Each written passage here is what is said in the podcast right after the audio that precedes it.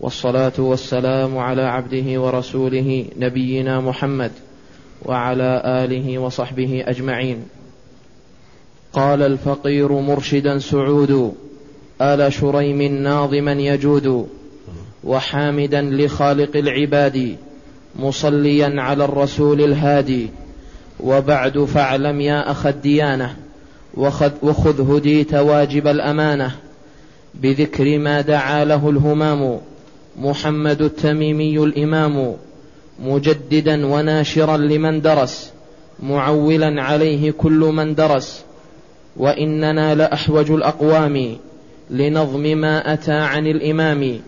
مرادنا ثلاثة الأصول كقطرة من مزنه الهطول. قد قرر الكتاب في المدارس يقرأ قد قرر الكتاب في المدارس يقراه كل عالم ودارس. وقد دعتني حاجة الفقير للعفو عن مآثم التقصير. أرجو الولي أن يعم قولي فإنما حولي به وطولي. الحمد لله رب العالمين والصلاة والسلام على خاتم الأنبياء والمرسلين نبينا محمد الخاتم الأنبيين وعلى آله وأصحابه والتابعين لهم بإحسان إلى يوم الدين. أما بعد فاللهم اجعل اجتماعنا هذا اجتماعا مرحوما ولا تجعل فينا شقيا ولا محروما برحمتك يا أرحم الراحمين. اللهم انفعنا بما علمتنا وعلمنا ما ينفعنا وزدنا علما. إنك أنت العليم الحكيم ولا حول ولا قوة لنا إلا بك. في هذا اليوم نستفتح درس منظومة ثلاثة الأصول والتي هي أمام جملة منكم وبين أيديهم والتي هي بعنوان إسراج الخيول بنظم القواعد الأربع وثلاثة الأصول. ومعنى هذا العنوان إسراج الخيول إسراج هنا مصدر أسرج يسرج إسراجا. وهو مأخوذ من وضع السرج على الخيل وهو ما يوضع على ظهره لأجل أن يستقر عليه راكب الخيل. والخيول جمع خيل. وهي الحيوان المعروف. فكأن معنى النظم هنا أن متن الإمام المجدد رحمه الله كالخيل وهو يحتاج إلى هذا الإسراج لأجل أن يركبه الراكب أو يركبه الفارس. فالنظم لبعض المتون هو بمثل هذا الأمر. والنظم هنا للقواعد الأربع والأصول الثلاثة وهو كتاب مشهور لشيخ الإسلام المجدد محمد بن عبد الوهاب. سيأتي أو ستأتي أحد مسائل هذا الكتاب إن شاء الله أثناء الشرح. والقواعد الأربع هنا في العنوان عندكم. المراد منه في الأصل المسائل الأربع. التي ضمنها كتابه ثلاثة الأصول. ولكن سميت قواعد لعظمها. وإلا فهناك مختصر مستقل لنفس الإمام رحمه الله بعنوان القواعد الأربع المهمة. فحتى لا يختلط ويفهم أن المراد بهذا هو هذا بل المراد بالقواعد هنا المسائل التي ضمنت ثلاثة الأصول. فقد ذكر ثلاثة الأصول المشهورة وقدم لها مقدمة ذكر فيها أربع مسائل. ولا مانع من أن يقال بنظم المسائل الأربع وثلاثة الأصول ولا مشاحة في هذه المسألة. أما مقدمة هذه المنظومة فقوله قال الفقير مرشدا سعود. الفقير هنا المراد به الفقر المعنوي لا الفقر الحسي الذي هو شبه المسكنة وعدم وجود الكفاية من الطعام والشراب والقوت.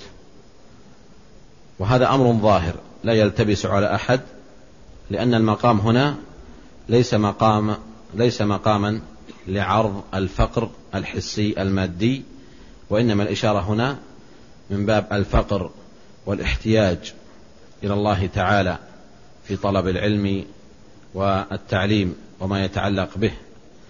انطلاقا من قوله جل وعلا يا أيها الناس أنتم الفقراء إلى الله والله هو الغني الحميد. فالفقر هنا فقر حسي كما أن المسكنة أو المساكين تأتي على معنى المسكنة الحسية والمسكنة المعنوية. فالمسكنة الحسية هم الذين يسمون بالمساكين والمسكين أقل حالا من الفقير. هذا من حيث الناحية الحسية وهو الذي لا يجد قوت يومه. وأما المسكين بمعنى المصاب بالمسكنة المعنوية فهو الذي سلك طريقا غير طريق النبوة ونهجا غير نهج هدي السلف الصالح. ولذلك قال تعالى وضربت عليهم الذلة والمسكنة. فالمسكنة هنا من باب المسكنة المعنوية لا المسكنة الحسية التي هي الفقر. مرشدا هنا حال من الإرشاد يعني يقول الفقير حال كونه مرشدا لتبيين سبب هذا القول وهو أنه أثناء الإرشاد أو حال الإرشاد والتوجيه. ومرشدا هنا مأخوذ من الإرشاد وهو التوجيه إلى الشيء التوجيه إلى الشيء. ويكون هذا التوجيه بحسبه حسب ما يضاف إليه. فتقول المرشد الطبي المرشد العلمي المرشد النفسي المرشد الاجتماعي وهكذا. فتكون باعتبار ما يكون معه. لكن المراد هنا بالإرشاد هو الإرشاد العلمي الذي هو نوع من أنواع الدلالة دلالة الإرشاد. ثم ذكر اسم الناظم هنا سعود. واسم أسرته ناظما يجود. آل شريم ناظما يجود. هنا إيراد الاسم في المنظومات ليس غريبا وليس جديدا. ولو نظرنا نظرة سريعة إلى بعض المنظومات نجدها تعطينا تصورا عن أمرين. الأمر الأول في عناوين هذه المنظومات. كل منظومة جاءت في فن من الفنون العلمية لا تخلو من ثلاثة أحوال. الحال الأولى أن تكون هذه المنظومة مسماة يعني وضع لها تسمية أن يكون المؤلف أو الناظم وضع لها تسمية. والحال الثانية أن تكون هذه المنظومة غير مسماة لنجعل المسألة من حالين. الحال الأولى أن تكون المنظومة مسماة. والحال الثانية ألا تكون مسماة. فأما الحال الأولى وهي أن تكون المنظومة مسماة فتنقسم إلى قسمين. القسم الأول أن تسمى المنظومة وتشتهر بتسميتها. والقسم الثاني أن تسمى المنظومة لكنها لا تشتهر بين الناس بتسميتها. نضرب لذلك مثالا. فالمنظومة التي سميت واشتهرت بتسميتها مثل ماذا؟ مثل الكافية الشافية. لابن مالك رحمه الله تعالى في النحو وهي التي اختصرها إلى الألفية المشهورة. والكافية هذه تبلغ ثلاثة آلاف بيت تقريبا. فهذه مسماة واشتهرت باسمها. هناك مثلا منظومة قصب السكر في نظم نخبة الفكر للصنعاني رحمه الله. فهذه اشتهرت باسمها اشتهرت أيضا باسمها. عندنا مثلا سلم الوصول للحافظ حكمي رحمه الله.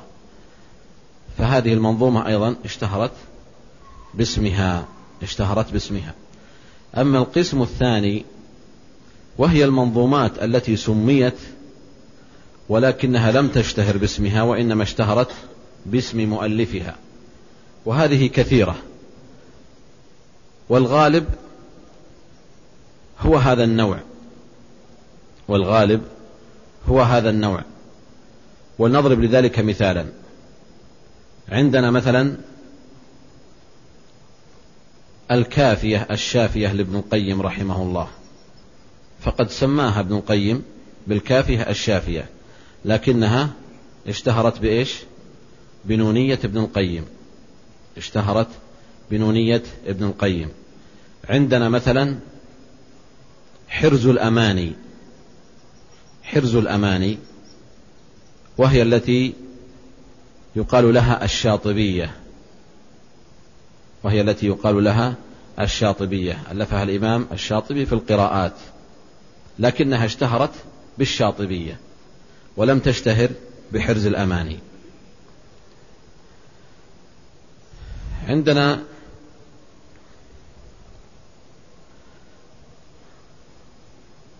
الدرة المضية والتي ألفها أو نظمها السفاريني رحمه الله.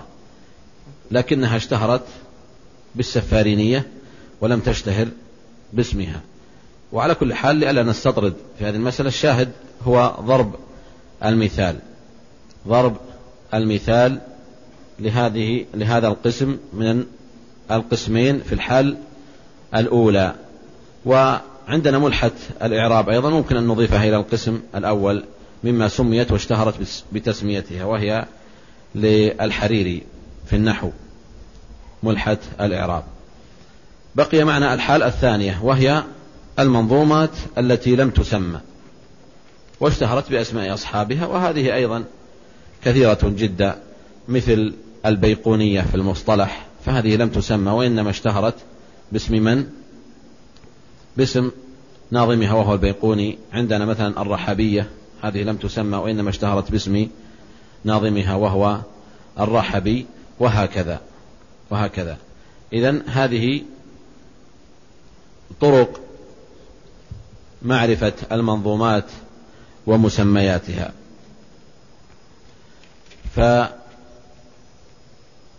فيبقى معنا المسألة الأخرى وهي هؤلاء الذين ينظمون المنظومات منهم من يورد اسمه في النظم ومنهم من لا يورد اسمه. والأغلب في مثل هذه المنظومات ألا يورد الناظم اسمه وعلى هذا كثير من المنظومات. لكن هناك من أورد اسمه في عدد من المنظومات مثل ألفية بن مالك فقد قال قال محمد هو ابن مالك أحمد الله ربي خير مالكي فنص على اسمه هنا. عندنا مثلا تحفة الأطفال في التجويد للجمزوري. ابتدأ بقوله قال سليمان هو الجمزوري قال سليمان هو الجمزوري. عندنا مثلا نظم الإشارات أو لطائف الإشارات في نظم الورقات للعمريطي رحمه الله. وهذه ممكن أن أيضا نصنفها في القسم الثاني. فهنا استفتحها قال قال الفقير الشرف العمريطي ذو العجز والتقصير والتفريط.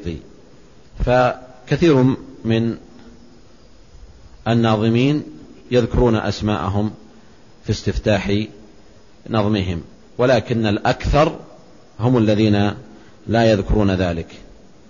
قوله ناظما حال أيضا من النظم. فهذا الكلام الذي يقوله هنا قال الفقير حال كونه ينظم هذا الشعر. والنظم هو العقد أو بمعنى أصح نظم العقد من اللؤلؤ وغيره مأخوذ من هذا. وكأن في الشعر نظما كنظم اللؤلؤ والجواهر والخرز. فهنا ضم الأبيات بعضها إلى بعض وجمع ما فيها هو أشبه ما يكون بنظم اللؤلؤ فلذلك سمي مثل هذا نظما. فهنا حال يعني حال كوني أنظم هذه هذا المتن فأنا أقول آه، مرشدا. ثم قوله يجود من جاد وأجاد. يأتي من الثلاثي ومن الرباعي. أجاد إجادة أو جاد جودة وجودا. والجود هنا من الإعطاء والبذل. فكأن الناظم هنا يجود على إخوانه في الله بهذا النظم ويبذله لهم وهذا البذل من منطلق الجود من منطلق الجود ما تجود به نفسه في هذا الميدان. قوله وحامدا لخالق العباد مصليا على الرسول الهادي. وحامدا أيضا هنا حال. فهذه الأحوال المرشد والناظم والحامد والمصلي كلها جاءت مرتبطة ومتعلقة بقول الناظم في أول كلامه قال. فهذا القول إنما قاله حال كونه مرشدا وناظما وحامدا لله ومصليا على رسول الله صلى الله عليه وسلم. حامدا من الحمد. وسبب إيراد الحمد هنا هو من باب استفتاح هذه المنظومة وهذا الكلام بحمد الله جل وعلا. وعلى هذا جرت عادة كثير من أهل العلم أن يستفتحوا مؤلفاتهم بحمد الله سبحانه وتعالى أو بالبسملة. واعتمادهم في هذا على حديث مشهور لكنه ضعيف من حيث الصنعة الحديثية. وهو قول النبي صلى الله عليه وسلم كل أمر ذي بال لا يبدأ فيه بالحمد لله فهو أجذم وفي رواية فهو أقطع وفي رواية فهو أبتر.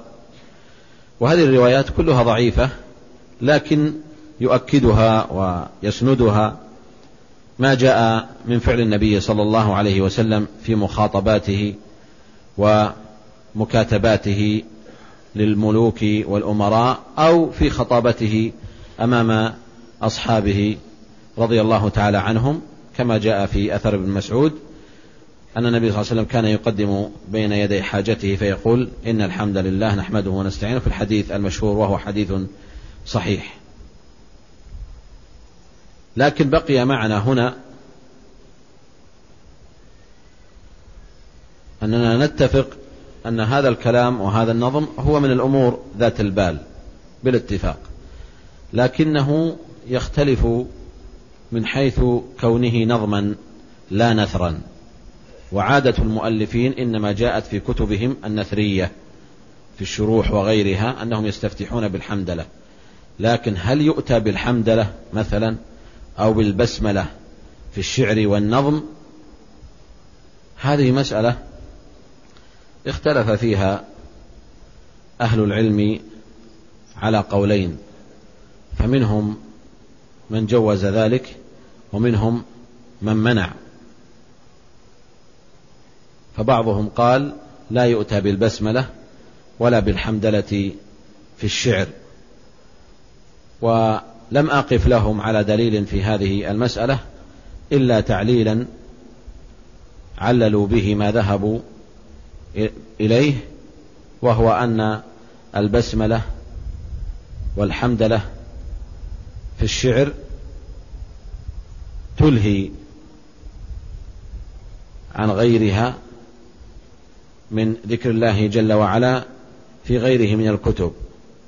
وهذه علة لم يظهر لها ارتباط وثيق بقول من قال إنه لا يجوز.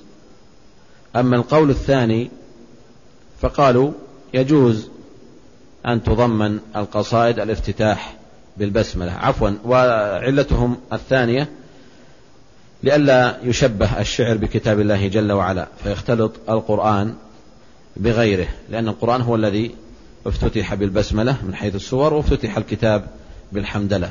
فلئلا يختلط الشعر بالكتاب أما القول الثاني فقالوا إن هذا أمر جائز والشعر فيه والنظم كغيره. من الكتب النثرية.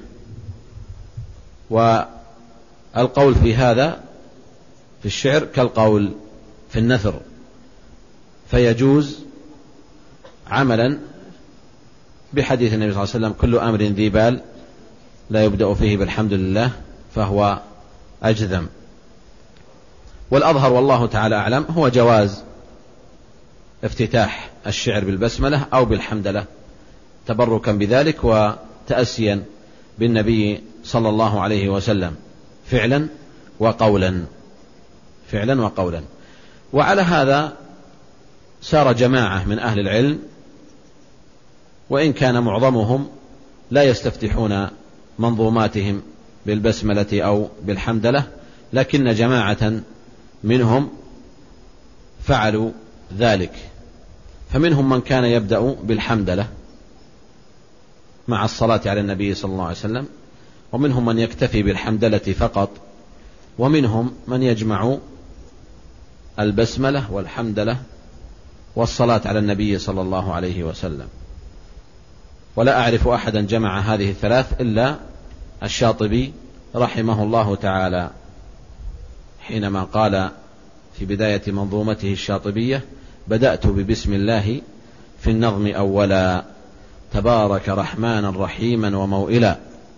وثنيت صلى الله ربي على الرضا محمد المهدى إلى الناس مرسلا إلى أن قال وثلثت أن الحمد لله دائما وما ليس مبدوءا به أجذم العلا. وما ليس مبدوءا به أجذم العلا.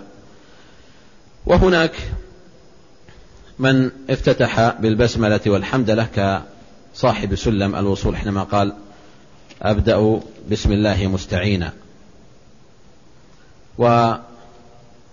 ومنهم العمريطي ناظم الورقات حينما قال قال الفقير الشرف العمريطي ذو العجز والتقصير والتفريط الحمد لله الذي قد أظهر علم الأصول للورى وأشهر. فهنا افتتحها بالحمدلة وعندنا الرحبي صاحب الرحبية قال أول ما نستفتح المقالة بذكر حمد ربنا تعالى فالحمد لله على ما أنعم حمدا به يجلو عن القلب العمى. فإذا أيضا ابن مالك في ألفيته قال قال محمد هو ابن مالك أحمد رب الله خير مالك. فالحمد جاء عند كثير من أهل النظم واستفتحوا به منظوماتهم وهذا أمر حسن ولو تركه لا شيء عليه. فلعل الناظم هنا سار على طريقة من سار قبله فأورد حمد الله جل وعلا والصلاة على نبيه صلى الله عليه وسلم. وحامدا لخالق العباد. الحمد هنا بمعنى الثناء على المنعم. الثناء على المنعم. بماذا؟ بكل شيء إذا كان في حق الله جل وعلا لأن الله سبحانه وتعالى لا يفعل إلا خيرا. فحينما تحمد الله فإن كان في النعماء فتحمده عليها كنعمة أنعمها عليك. ويكون هذا الحمد متضمنا للشكر لله سبحانه وتعالى على هذه النعمة. وإن كان في البلاء فإنك تحمده على قضائه فإنك تحمده على قضائه فهو وحده سبحانه وتعالى الذي يحمد في السراء والضراء. أما أصل الحمد مطلقا فهو الثناء على المنعم فأنت تحمد لزيد كرمه معك وتحمد لعمر قرضته لك وتحمد لخالد بشاشته أمامك وهكذا. ففي الأصل هو الثناء على المنعم. فلا شك أن هذا المقرض وهذا البشوش وهذا المكرم لا شك أن هؤلاء منعمون. لا شك أنهم منعمون. فالحمد لهم من باب الثناء. لكنه في حق الله جل وعلا يكون أعم. ولذلك المؤلف هنا قال وحامدا لخالق. فأتى باللام هنا. لخالق العباد. واللام هنا بمعنى الاستحقاق يعني أن الحمد الذي أحمده في هذه الحال لا يستحقه إلا الله جل وعلا وحامدا لخالق العباد. وطريقة الناظم هنا هي الدرجة الثانية من مستوى الحمد. ما هو مستوى الحمد الكامل والأعلى؟ هو قول الحمد لله. حينما تقول الحمد لله فتأتي باللام في كلمة الحمد وتأتي بها في كلمة لله. فإذا قلت الحمد لله اجتمع عندك أمران. اللام الأولى في الحمد فتكون بمعنى الاستغراق لا الجنس ولا العهد وإنما الاستغراق. فكأنك تقول جميع المحامد التي تستحق والتي تقال فهي لله. فاللام هنا حينما تقول الحمد أي جميع أنواع الحمد. لكن إذا قلت حمدا لله فهنا تكون أتيت بالحمد لكن ليس كل الحمد. ليس كل الحمد. فإذا كلمة الحمد لله كما في الفاتحة الحمد لله رب العالمين جمعت أمرين. اللام الأولى وهو الاستغراق جميع أنواع المحامد. فكأنني أقدم جميع أنواع, أنواع المحامد. لمن؟ لله. فتكون اللام الثانية هنا إيش؟ للاستحقاق. طيب لو قلت أحمد زيدا أو حمدت زيدا أو حمدت عمرا فهذه هي الدرجة الثالثة في الحمد. فيكون الحمد هنا قاصر غير مستغرق لجميع أنواع المحامد. وحينما أقول زيدا فإنه لا يعني أن زيد هو المستحق الوحيد لهذا الحمد. لكن حينما أقول حمدت لزيد فهنا يدل على أن زيد استحق هذا الحمد. وإذا قلت الحمد لزيد ماذا؟ استغرق. استغرق من حيث المعنى لكنه لا يجوز إطلاقه لأن الاستغراق لا يطلق إلا لله فلا يقال إلا الحمد لله. إذا جمعت اللامين. أما أن تقول حمدا لزيد هذا ممكن. تقول حمدت زيدا هذا ممكن. أما الحمد لزيد فهذا لا يجوز.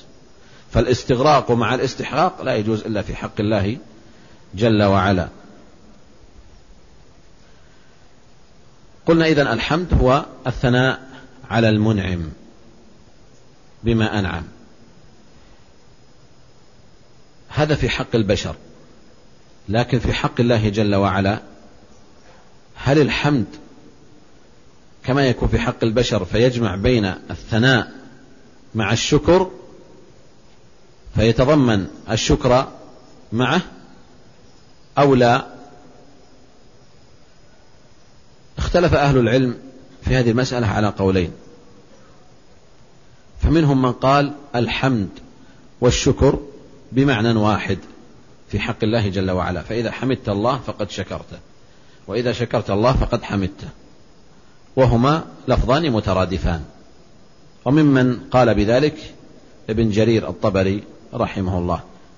فقد أورد بسنده أن رجلا سأل النبي صلى الله عليه وسلم فقال أنشدك يا رسول الله محامد حمدت بها ربي. فقال النبي صلى الله عليه وسلم إذا حمدته شكرته فزادك. إذا حمدته شكرته فزادك. فدل هنا على أن الحمد هو الشكر. أما القول الثاني فقد فرق أصحابه بين الحمد وبين الشكر. فجعل الحمد دالا على شيء والشكر دالا على شيء آخر.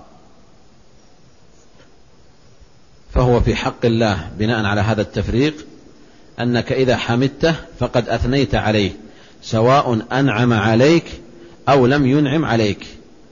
فجميعنا الآن يجب علينا أن نحمد الله سبحانه وتعالى سواء أتتك نعمة ما أو لم تأتك نعمة. لماذا؟ لأن الله سبحانه وتعالى يستحق الحمد على أية حال. فلذلك, فلذلك قال الحمد لله رب العالمين. وجاءت في حق الله على ثلاث صور. الصورة الأولى قوله الحمد لله رب العالمين ولم يأتي بالظرف الذي سببه الحمد. يعني ما قال الحمد لله على نعمته. فهذه جاءت مطلقة. وهناك آيات جاءت دالة على هذا الظرف الذي فيه الحمد. فقال له الحمد في الأولى والآخرة. له الحمد في الأولى والآخرة فبين ظرف هذا الحمد. والحالة الثالثة بين ظرف آخر. والأرض. فإذا إذا جمعنا حمد السماوات والأرض وحمد الأولى والآخرة والحمد المطلق فحينئذ نعرف جميعا أنه الحمد لله مطلقا سواء رأيت هذه النعمة أمامك أو لم ترى هذه النعمة أمامك. وأما الشكر فإنه لا يكون إلا في حال الإنعام. فإنه لا يكون إلا في حال الإنعام. وهذا القول اختاره شيخ الإسلام ابن تيمية رحمه الله تعالى فذهب إلى التفريق بين الحمد والشكر فجعل الحمد أعم من الشكر فإنك تحمد الله على نعمائه وعلى بلائه وعلى تقديره في سماواته وأرضه. ولذلك قال سبحانه الحمد لله فاطر السماوات والأرض. فنسب الحمد لمجرد أنه فطر السماوات والأرض ولم يتكلم عما نسبه إلى ابن آدم من إنزال المطر أو غيره. وأما الشكر فهو أعم من الحمد من جهة إيش؟ السبب. من جهة السبب أو من جهة الفعل. من جهة الفعل. نقول الحمد هنا الأصل أنه أعم من الشكر لأنه يقال إن الله يحمد على كل حال. أما الشكر فإنك لا تشكر الله على القدر المؤلم. ليس من باب أنه لا يستحق الشكر لكن هذا من باب عدم الأدب مع الله سبحانه وتعالى. فتصاب بمرض فتقول أشكر الله هذا لا يليق. وإلا نعرف أن جميع المقادير من الله جل وعلا ولذلك جاء في الحديث والشر ليس إليك. مع أنه من الله تقديرا لكنه ليس إليك من باب الأدب. من باب الأدب لأنه لا يمكن أن يكون هناك شر محض. ما من شر يأتي ويقدره الله إلا وفيه خير من وجه آخر. بعكس ما يكون لبعض البشر ما يصدر منهم من شر فقد يكون شرا محضا. لا خير فيه بوجه من الوجوه. أما في حق الله فليس هناك شر محض. إن أمات ابنك فهو شر ظاهرة مثلا فقدت هذا الابن في حياتك. لكن هناك خير كبير. من هذه هذه الوفاة. إن كان صغيرا فهو فرط لك وشفيع. فهذا خير. قد يكون في علم الله أنه إذا كبر يؤذيك ويكون عاقا لك فحينما يقبضه الله سبحانه وتعالى فهذا خير لك ألا ترى هذا العقوق وأنت حي. فما من مصيبة أو قدر يقدره الله جل وعلا على عباده إلا وهو شر يعني في ظاهره إلا وهو خير من وجه أو من وجوه كثيرة. ولذلك قال تعالى ما أصابك من حسنة فمن الله وما أصابك من سيئة فمن نفسك. فنسبتها إلى نفس ابن آدم من باب أنه خطاء ومن باب أنه هو الذي يستحق نسبة هذه السيئة. وإلا فالخالق لهذه السيئة هو الله جل وعلا. وذلك لا تنسب الشر لا ينسب إلى الله من باب من باب الأدب. فحينما تؤذى في بيتك أو تصاب مثلا سيارتك بحادث ما تقول أشكر الله على هذه المصيبة وإنما تقول أحمد الله. فمن هنا يأتي التفريق بين الحمد وبين الشكر. ولذلك الحمد كان أعم من جهة الأسباب فأسباب الحمد الضراء والسراء. ولكن الشكر أسبابه جهة واحدة وهي السراء. لكن نتائجه نتيجة الشكر فالشكر يكون بأمور ثلاثة. يكون باللسان وبالقلب وبالجوارح. وأما الحمد فإنه لا يكون إلا بأمرين باللسان وبالقلب. لكن لا يكون الحمد بالجوارح. فصلاتك الآن لا تسمى حمدا وإنما تصلي شكرا مثلا. فإذا أنعم الله عليك نعمة فإنك تشكره في قلبك وبلسانك وبالجوارح. كيف شكره بالجوارح؟ تتصدق بمال. هذا من باب الشكر. قمت فصليت ركعتين. هذا من باب الشكر لله عندنا سجود الشكر ورد عن النبي صلى الله عليه وسلم. هذا فعل. لكن لا يقال سجود الحمد. ولا يقال صدقة الحمد. فهنا نخلص إلى أن الحمد أعم من الشكر من جهة أسبابه. وأما الشكر فهو أعم من الحمد من جهة نتيجته أو أفعاله. وذلك قال القائل أفادتكم النعماء مني ثلاثة يدي ولساني والضمير المحجبة.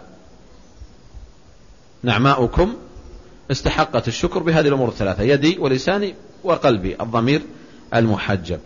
ومنه قول القائل الآخر قد أنعم الباري علينا أنعما والشكر مفروض على الإنسان فاشكر إلهك باللسان مؤكدا وباليدين تارة وجنان.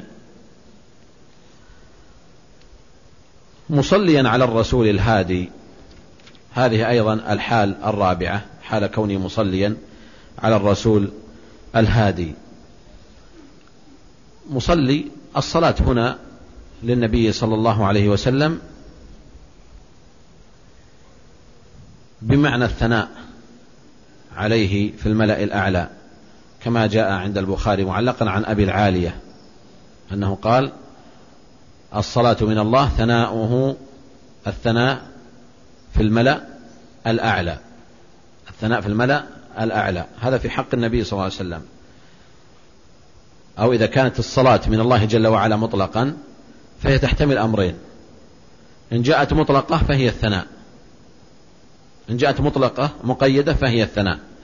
وإن جاءت مطلقة فهي الرحمة. كقوله تعالى هو الذي يصلي عليكم وملائكته أي يرحمكم. وعلى هذا عدد من المفسرين وهو أحد التفسيرين. أن الصلاة من الله هي الرحمة. وقيل إن الصلاة من الله هي الثناء عليه في الملأ الأعلى. وقد تجتمع الصلاة والرحمة في مكان واحد فيكون هذا بمعنى الثناء والرحمة على ظاهرها. كقوله تعالى أولئك عليهم صلوات من ربهم ورحمة. وقد تأتي أيضا الصلاة مطلقا بمعنى الدعاء كأصل من حيث الحقيقة اللغوية. فإذا قلت الصلاة مطلقا فالمراد به الدعاء. وقد جاء في الشرع على حالين. الأصل إذا أطلق في الشريعة فقد يحتمل المعنى المعنى معنى الحقيقة الشرعية. يعني إذا قيل صلى النبي صلى الله عليه وسلم كذا فالمراد به الصلاة المشهورة. وقد يأتي أحيانا ويراد بالصلاة الدعاء كما جاء في الصحيح أن النبي صلى الله عليه وسلم خرج إلى أحد إلى شهداء أحد فصلى عليهم. وحمل معنى الصلاة هنا على أنه الدعاء وليست الصلاة المعهودة لأن الشهيد لا يصلى عليه.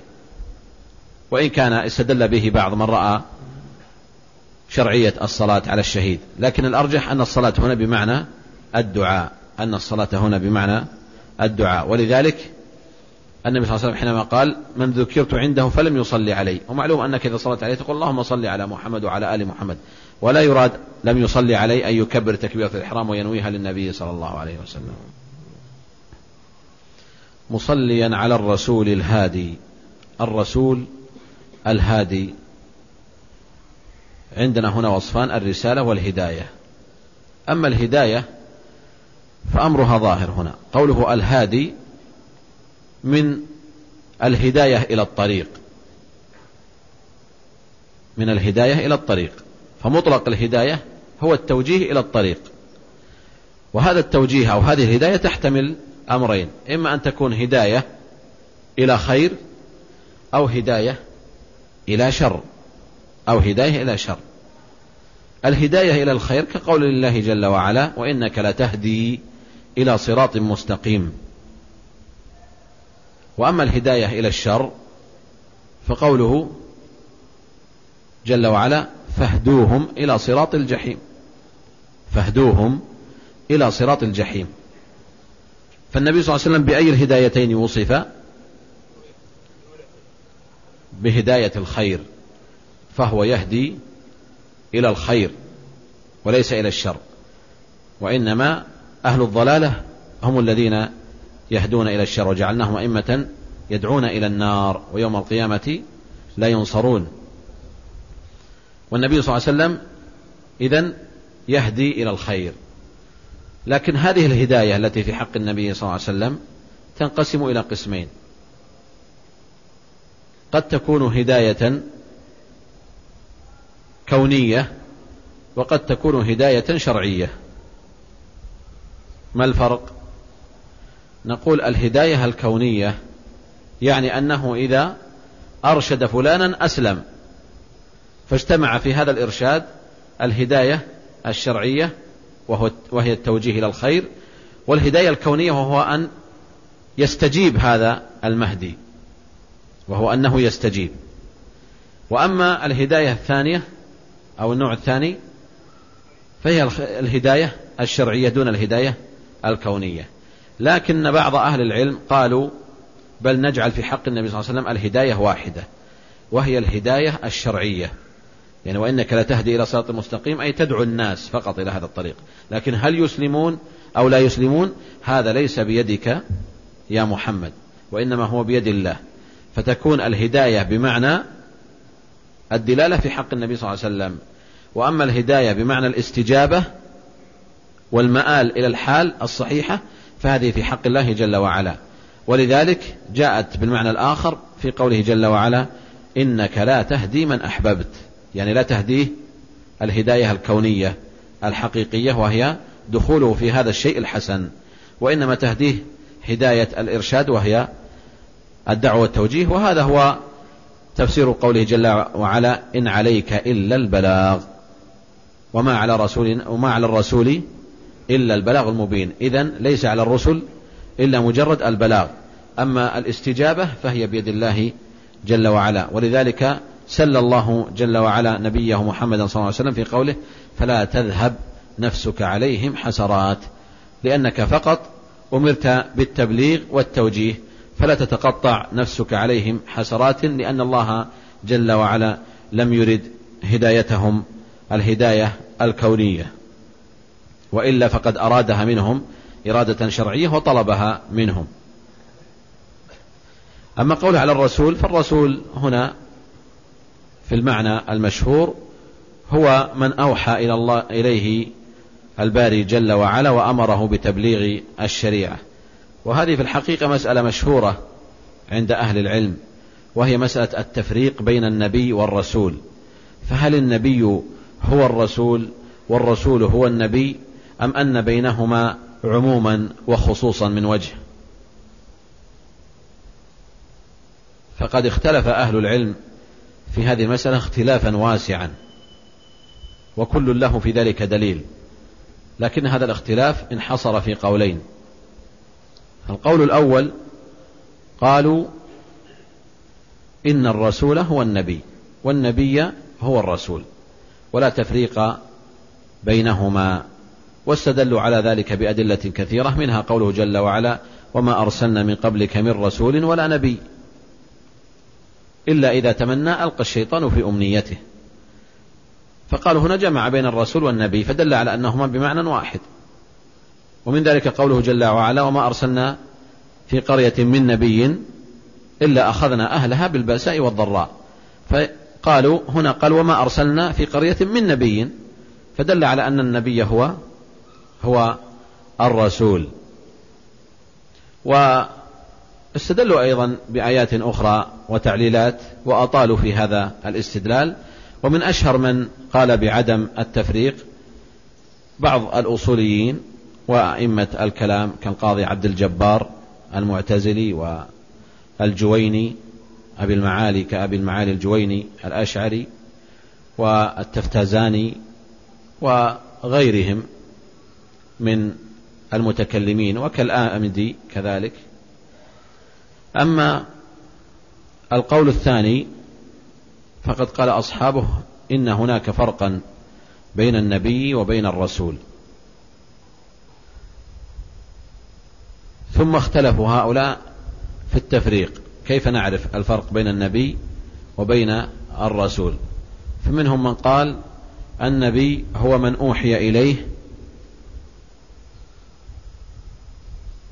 أو نبئ إليه ولم يؤمر بالتبليغ والرسول هو من أوحي إليه وأمر بالتبليغ. ومنهم من قال لا هذا القول لا يستقيم. لأنه ما من نبي يوحى إليه إلا وهو مأمور بالتبليغ لا بد أن يبلغ رسالة الله وشرعته. لكن نقول إن النبي هو من أوحي إليه لا بشريعة جديدة وإنما بشريعة سابقة. وأما الرسول فهو من أوحي إليه بشريعة جديدة وأمر بتبليغها. فمن هنا نفرق بين النبي والرسول. وعلى كلا الاختلافين فأدلتهم واحدة في كون قناعتهم على التفريق بين النبي والرسول. واستدلوا بأدلة أصحاب القول الأول لكن على معنى مغاير. فقالوا إن قوله جل وعلا وما أرسلنا من قبلك من رسول ولا نبي أتى هنا بالواو العاطفة. ونحن نعلم أن الواو العاطفة تقتضي اشتراك المتعاطفين تقتضي المغايرة عفوا تقتضي المغايرة تقتضي المغايرة لكنها لا تقتضي الترتيب لكنها لا تقتضي الترتيب. فكون تقتضي المغايرة هنا فدل على أن النبي يختلف عن الرسول يختلف عن الرسول. واستدلوا أيضا بقوله تعالى وما أرسلنا في قرية من نبي قالوا هذا دليل على التفريق. لأننا نعلم أن الرسول أعم من النبي. فالنبي إذا أوحي إليه وأمر بالتبليغ صار رسولا. فهنا يقول وما أرسلنا في قرية من نبي يعني كأنه في بدايته كان نبيا ثم أمر بالتبليغ فصار رسولا. فهذا دليل على التفريق بين بين النبي والرسول. وممن قال بذلك القرطبي والطبري رحمه الله وشيخ الإسلام ابن تيمية وابن أبي العز الحنفي شارح الطحاوية وغيرهم ذهبوا إلى أن هناك فرقا بين النبي وبين الرسول وهذا هو الأقرب من حيث الأدلة. فالنبي يختلف عن الرسول وأقرب ما يقال في حق النبي هو من أوحي إليه لا بشريعة جديدة. والرسول هو الذي أوحي إليه بشريعة جديدة. وإلا فجميع الأنبياء والرسل قد أمروا بالتبليغ لأنه قد جاء في الحديث الصحيح حينما قال النبي صلى الله عليه وسلم ويأتي النبي ومعه الرهط ويأتي النبي وليس معه أحد. فكون معه الرهط وهذا ليس معه أحد دليل على أن هؤلاء دعوا أقوامهم ولكن هذا استجاب له رهط وهذا استجاب له رهيط وهذا لم يستجب له أحد وهذا لم يستجب له أحد. وهذا هو أقرب الأقوال في التفريق بين النبي والرسول. ثم قال الناظم وبعد فاعلم يا أخ الديانة وخذ هديت واجب الأمانة. قوله هنا وبعد هذه كلمة يؤتى بها للانفصال والانتقال أو للفصل والانتقال من, مك من كلام إلى آخر. فكأنه يريد أن ينتقل بعد ما قول القول وهو الحمد له إلى مسألة أخرى وهي الدخول في لب الموضوع. فكأن البيتين الأولين افتتاح افتتاحا لهذه المنظومة ثم ينتقل الناظم بقوله وبعد. وهذه الكلمة وبعد هي التي قال عنها أهل العلم هي مراد الله جل وعلا بقوله وآتيناه الحكمة وفصل الخطاب. وأنها هي فصل الخطاب. وقد اختلفوا في من أول من قال هذه الكلمة كلمة أما بعد. فقد روى الطبراني في أوائله أن أول من قال ذلك داود عليه السلام. ولكن هذه الرواية ضعيفة وضعفها الحافظ بن حجر رحمه الله. وهناك من قال إنه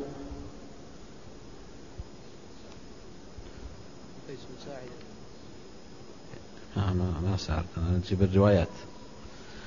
فهذه رواية الطبراني ومنهم من استدل برواية عند الدار قطني على أن أول من قال هذه المقولة هو يعقوب ابن إسحاق عليه السلام ولكن هذه الرواية ضعيفة.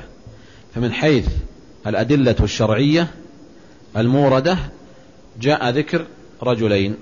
الأول داود عليه السلام كما في رواية الطبراني وهي ضعيفة ولكن أكثر المفسرين على هذا في قوله تعالى وآتيناه الحكمة وفصل الخطاب قالوا فصل الخطاب هي قوله أما بعد. وأما الرواية الثانية عند الدار قطني وهي ضعيفة أيضا على أن أول من قال ذلك هو يعقوب بن إسحاق. وأما ما عدا ذلك من الأقوال فهي أقوال تاريخية وليست روائية من حيث الحديث فذكروا قس بن ساعدة وغيره وغيره قالوا إن هؤلاء أول من قال هذه الكلمة. ورجح الحافظ بن حجر وغيره أن أول من قال ذلك هو داود عليه السلام وهو الذي عليه معظم المفسرين. والمؤلف هنا قال وبعد والأصل فيها أن يقال أما بعد. ولا مانع أن تحذف أحيانا كما ذكر ذلك الحافظ بن حجر وأنه لا بأس أن يقال وبعد أو وأما بعد إن جيء بها كاملة فهو الموافق لسنة النبي صلى الله عليه وسلم لأنه كان يقول في خطابه هكذا أما بعد وإن قيل وبعد على تقدير حذف أما فهذا أيضا لا بأس به. وأما قول أما بعد فهي سنة من سنن النبي صلى الله عليه وسلم في خطاباته. ولذلك بوب البخاري رحمه الله بابا في كتابه وقال باب قول أما بعد في الخطبة. ولذلك استحب جماعة من أهل العلم كشيخ الإسلام بن تيمية وابن القيم والحافظ بن حجر وغيرهم استحبوا أن يقول الخطيب في مخاطباته سواء في خطبة الجمعة أو في غيرها إذا بدأ بالحمدلة يقول بعد ذلك أما بعد أما بعد. فهذه من سنن الخطب والمحادثة والمؤلف أو الناظم أتى بها هنا تأسيا بالنبي صلى الله عليه وسلم. وبعد فاعلم. قال هنا فاعلم فأتى بالفاء بعد كلمة أما بعد. وقبل أن نبين ارتباط الفاء بها نقول كلمة أما بعد هنا أو أما بمعنى مهما يكن من شيء. لكنها عبر عن هذه العبارة الطويلة مهما يكن من شيء. أربع كلمات عبرت عنها كلمة أما وليس بعد.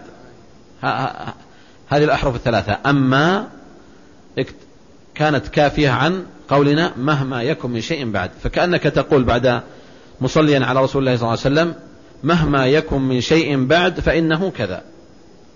فتكتفي بقولك أما فهي تقوم مقام هذه. ثم تأتي بكلمة بعد. وهذا التفسير هو الذي ذهب إليه سيبويه. فقد أشار ابن مالك في ألفيته إلى هذا وقال أما كمهما يكن من شيء وفى لتلوي تلوها وجوبا ألفا فقوله هنا أما كمهما يكن من شيء. لكن إذا أتى الإنسان بكلمة أما بعد فالأصل عند النحويين أنه يتبع ذلك بقوله بالفاء فيقول أما بعد فاعلم. أما بعد فاسمعوا أيها الإخوة. أما بعد فعليكم بكذا. أما بعد فأتوا إلى كذا. أما بعد فاذهبوا إلى كذا. لكن هل تقول أما بعد عليكم بسنتي؟ أو تقول أما بعد عليكم بالطواف؟ أو تقول أما بعد فعليكم بالطواف؟ إطلاق الأكثر أن تتبع الفاء. وهذا هو اختيار ابن مالك. فقد قال في الألفية كما ذكرت قبل قليل أما كمهما يكن من شيء وفاء يعني الفاء التي بعدها لتلو تلوها وجوبا ألفا لتلو تلو إيش؟ ما هي التي تلي كلمة أما؟ كلمة بعد. فيقول لتلو تلوها ماذا الذي يلي بعد؟ حرف الفاء. قال وجوبا ألف. يعني على الوجوب. فلا يصح أن تقول أما بعد عليكم بالطواف. أما بعد اسمعوا أيها الإخوة. فتقول أما بعد فاسمعوا أيها الإخوة على الوجوب عند النحويين. ولكن خالف في ذلك بعض أهل العلم كابن عقيل شارح الألفية وخالف مالك خالف مالكا في ذلك وقال قد تأتي على القلة بدون ذكر الفاء فتقول أما بعد أيها الناس.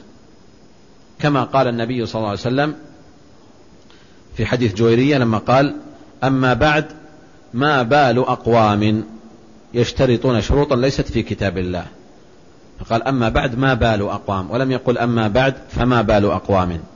لكن أجاب من رأى وجوب الإتيان بالفاء عن قول ابن عقيل هذا فقال إن هنا على تقدير محذوف. أما بعد فما بال أقوام. أما بعد فما بال أقوام. وعلى كل حال حتى على تقدير محذوف فمعنى هذا أنه يجوز طالما أن النبي صلى الله عليه وسلم قال هذا الكلام. فإذا إن قلت أما بعد أيها الناس أو قلت أما بعد فيا أيها الناس فالأكثر والأرجح أن تأتي بالفاء وإن أتيت بغير الفاء على القلة فلا بأس في ذلك متى بدأنا متى بدأنا ما كملنا ساعة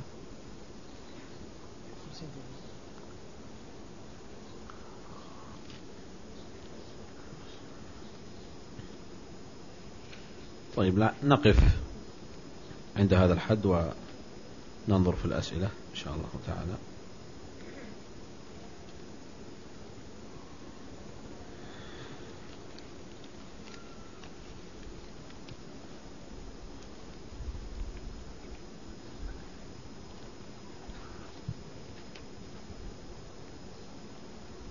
هذا يحمد الله ويشكره على استئناف الدرس من جديد. ثم يقترح أن يضاف إلى الكتابين كتاب أخصر مختصرات الذي قد بدأنا به. ووصلنا إلى قرب نهاية الصلاة كتاب الصلاة. فلننظر إن شاء الله في هذا بعد. هل نكمل الكتاب أو نستأنف من جديد أو ننتقل إلى غيره؟ هنا يقول ما معنى هذا القول؟ ثلاثة من محالات الكلام الكسب الأشعري يعني لعل قصده عند الأشعري والحال عند البهشمي وطفرة النظام.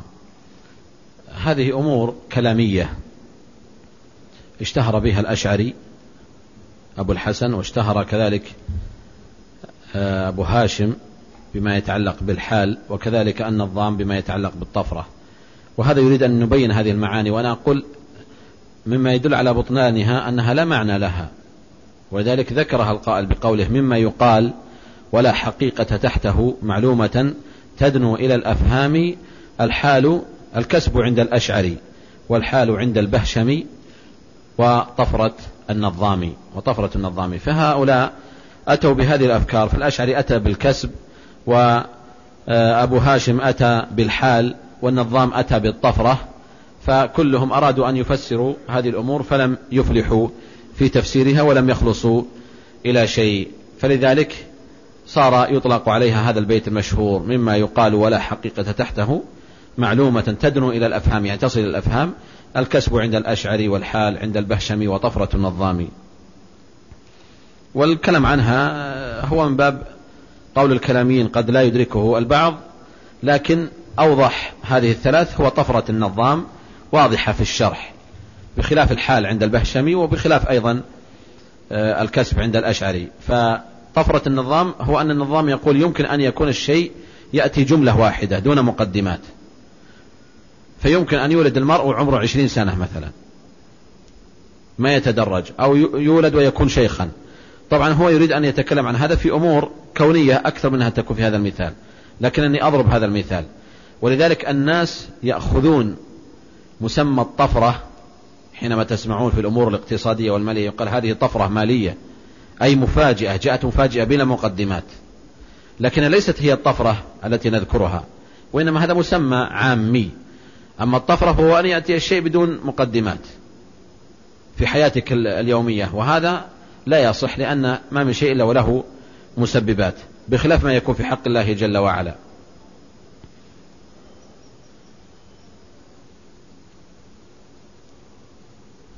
وهذا أيضا يسأل عن مسألة ماذا يقصد المتكلمون بقولهم في دليل الحوادث إذ لا يخلو من الحوادث فهو حادث لامتناع حوادث لا أول لها.